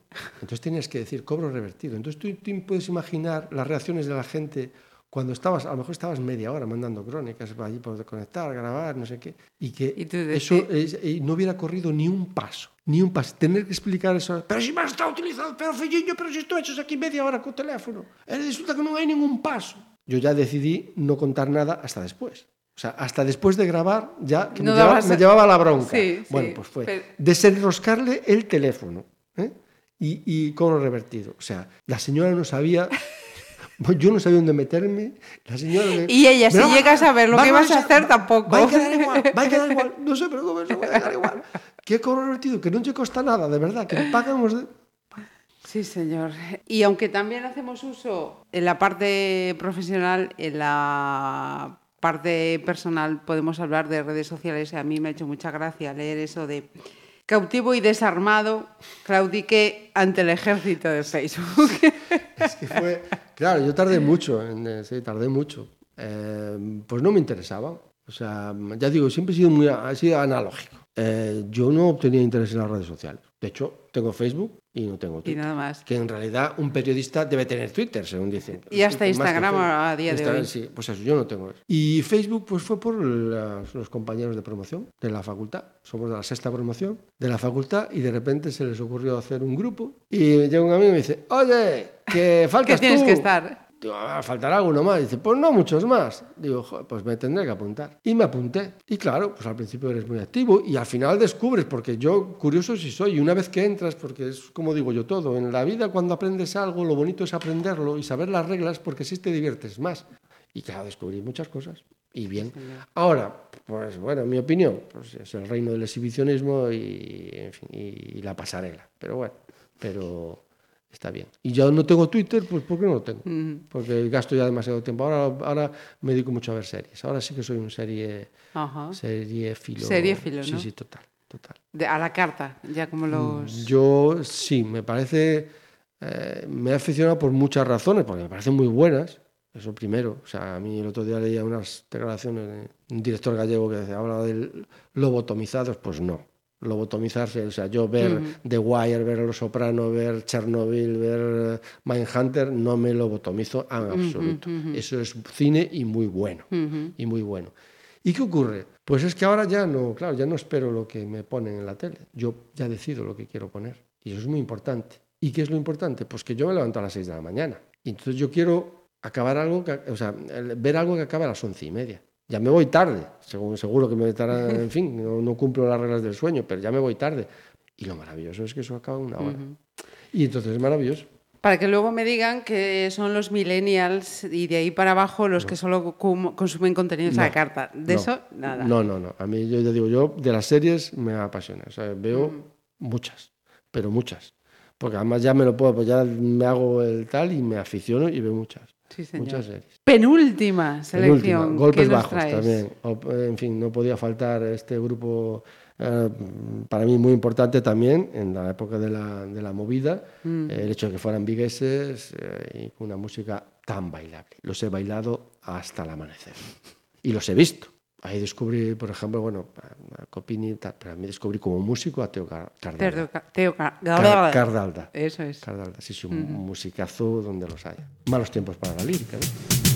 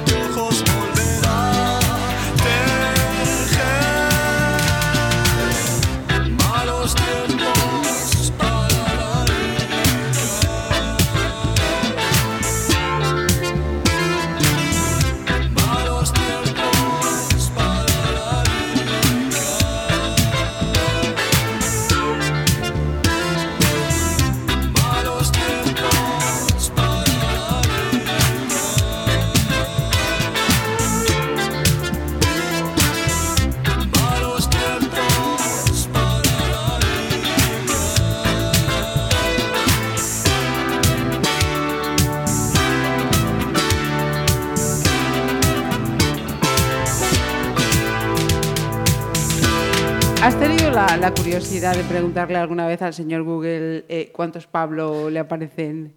Sí, sí, sí, claro, cómo no. Sí, la vanidad forma parte del ser humano. Sí, sí, lo ha puesto Pablo Lago. Eh, hubo un tiempo en que salía porque había ganado un premio de periodismo gastronómico el Álvaro Cunqueiro con un reportaje sobre las algas, pero desaparecí poco pronto en combate de primera línea y lo cubría todo un tal Pablo Lago que era jugador de fútbol Ajá. que era jugador de fútbol del- Ribadeo, que después creo que fue del Lugo y después ya no sé qué pasó con él. Pero ya lo cubría, salgo poco, sí, la verdad es que, pero sí me he puesto, me he puesto en, en alguna, en alguna ocasión. Pues yo te he encontrado a ti, he encontrado al futbolista, Sí. he encontrado a otro periodista que fue director del Mundo en Castilla León Ah, ni idea. y a otro ya mucho más joven que es DJ y que por lo visto estuvo ejerciendo de DJ en la fiesta de mayoría de edad de la hija de la infanta Elena. Dios mío, conexión con la monarquía. qué nivelazo, qué nivelazo. Eh, te he preguntado en esta charla cómo es el Pablo Lago padre y cómo sería el Pablo Lago abuelo. En fin, mejor. Sería mejor. Mal educa- educaría a sus nietos. Estaría encantado de ser abuelo. Me encantan los niños. Creo que son, además, como digo yo ahora, eh, me parece lo más maravilloso del mundo. Eh, y como digo, hay que cuidarlos mucho porque encima son una especie en peligro de extinción. O sea, cada vez hay menos y hay que cuidarlos mucho más. Son maravillosos. Y sería, pues nada, supongo que los mimaría, eh, jugaría, porque eso nunca me... Me ha encantado siempre hacer el ganso y es una buena oportunidad Para hacer- para hacer el ganso, estar con un niño delante. Sí, señor. Mira, em, la frase ya sabrás que no es mía, pero la utilizo para preguntarte. eh, ¿La edad es un estado mental? Eh, sí, hasta que te miras al espejo. Quiero decir, es lo peor que llevas. O sea, yo lo reconozco. O sea, es esa gran contradicción. Yo por dentro no me siento los años que tengo por fuera, pero cuando me veo por fuera, lógicamente, es así. Yo, como digo yo ahora, eh, por un tema de salud, hace año y pico, eh, conseguí eh, lograr mi aversión a los gimnasios y voy al gimnasio. Y claro, yo sí, con todo el ejercicio que he hecho, tuviera mm, 30 años o 25 años, estaría hecho como, en fin, como Schwarzenegger. Claro, pues no. Pues es que con los años que tengo, que no. Pues es que no. Yo me siento joven y soy capaz, o sea, yo creo que empatizar con un chaval de 20 años. Sin duda, no me cabe duda. Pues eso digo, soy capaz. Y bueno, pues, pues, pero bueno, pero ya digo, o sea, yo ahora cuando salgo una noche a bailar, una noche a bailar, y en la fiesta del patrón. y la fiesta del patrón, entre otros, pues al principio me costaba. Yo todavía recuerdo cuando dije, "Mi Pablo, este, claro, yo, es que me daba vergüenza y me sigue dando pudor. O sea, manifestarme de esa manera. Mira el viejal es este, porque pueden decirlo perfectamente. ¿no? Por cierto que no lo decimos, pero es así. Soy el decano ¿no? de la presa de Pontevedra. El decano es un eufemismo para decir que soy el tío más viejo, el periodista más viejo de Pontevedra. el maestro. El maestro, sí, maestro de maestros soy. Bueno, eso es lo que, ya digo, tratamos de, no, me, lo paso bien, me divierto, no me quiero jubilar. O sea, me quedan no muchos años, pero no me quiero jubilar, ahora mismo. No sé, cuando llegue pues la- el momento ya, ya veremos. En Que no, que no. En fin, Que no, que no, Pablo. Mm, para terminar, eh, ¿qué calificación le pondrías a, a tu vida? La, la que tú elijas, por Ya. el método actual, que es lo del progreso adecuadamente, Sí, no, yo- o, yo por o el- el- no sé, por la sobresaliente. Quiero decir, mm, no podría concebir em, darme menos nota, no por lo que yo haya hecho, sino por lo que por he lo que te ha vivido. dado y lo que ha... Exactamente, por Mm. lo que he vivido. Quiero decir, me, me faltan muchas cosas por vivir, me hubiera gustado hacer muchas cosas. A mí me hace mucha gracia cuando le preguntan, ¿y tú te arrepientes de algo? No, no me arrepiento de nada. Yo me arrepiento de un montón de cosas. Es más, si volviera atrás, a lo mejor viviría 33 vidas distintas. Y ojalá me reencarnara y nunca sería el mismo. Pero eh, no puedo dejar, tengo que, tiene que ser sobresaliente y ya está. Me alegra oír eso, Pablo. Bueno, Y, y me alegra muchísimo de haber podido tener esta charla contigo y agradecerte que nos hayas dedicado este tiempo y que hayas hecho frente a ese pudor, a esos nervios, a ese Sí. todo. Y Me he sentido poder muy conocerte. gracias a ti, me he sentido muy a gusto. Eh, espero que la gente se haya entretenido, haya aprendido, no sé si ha aprendido o conocido algo nuevo, que, que eso siempre es importante. Pero sobre todo, gracias a ti por eso, por lo, Cuando gusto, lo escuchen- a gusto que me he sentido. Cuando escuchen esas crónicas de Radio Nacional, que sepan algo más de esa voz. Que nos informa. Bueno, yo lo que sí sé es que yo no voy a reescuchar esta entrevista. ¿eh? Eso no lo voy a reescuchar. Eso lo tengo claro. Es- no eres el primero ni el segundo que me dice, yo luego no me voy a escuchar. Ya, ya, ya me darán opiniones. Quien escuche ya dará opiniones, yo no. Mira, vamos a escuchar por segunda vez eh, tu última selección. Vale, vale. La Bueno, canción no, pero... El grupo. Bueno, bien. Lo hice por segunda vez porque la primera vez que lo puso en esta playlist fue con Javier. Javier. Yo le descubrí este grupo a Javier. ¿Le dolerá de escucharlo? No. Pues me sorprendió muchísimo este grupo. Me, me pareció un grupo de pop maravilloso. En fin, eh, lamentablemente han desaparecido ya. Me pareció muy curioso, me gustó y lo traigo porque es un poco mi aportación a, a- a la música más actual. Darrera, una revista. Un millón, Pablo. Mallorquines, ellos. Pues un millón a ti. Prueba superada.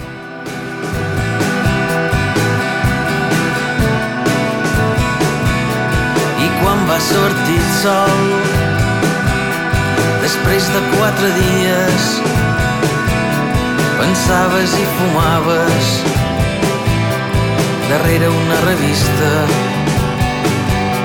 Són massa domicilis de moure tots els mobles, receptes italianes, és massa temps amb obres, i quan va sortir sol després de quatre dies i vares dir has vist suposta amb un somriure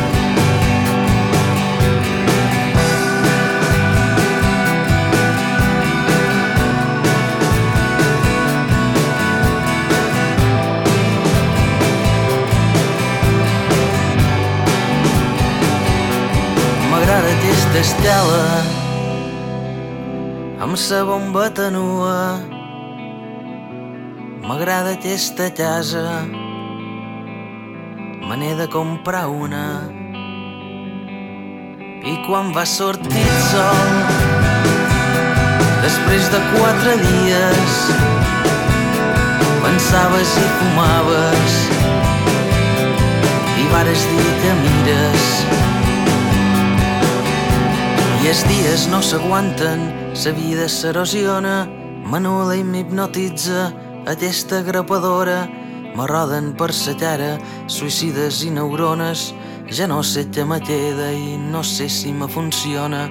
Davall es fum immòbil del meu altre xillarro, faràs una cervesa i jo un martini bianco i com dos asteroides t'han desviat sa ruta direm que ha estat fantàstic direm que ha estat sa lluna.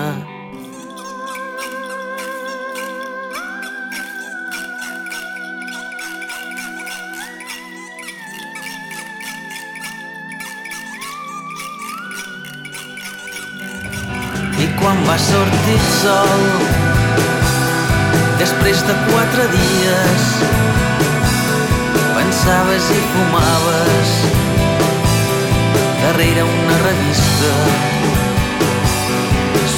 Massa domicilis de moure tots els mobles, receptes italianes, és massa temps amb obres, i quan va sortir sol després de quatre dies i vares dies vist suposta amb un somriure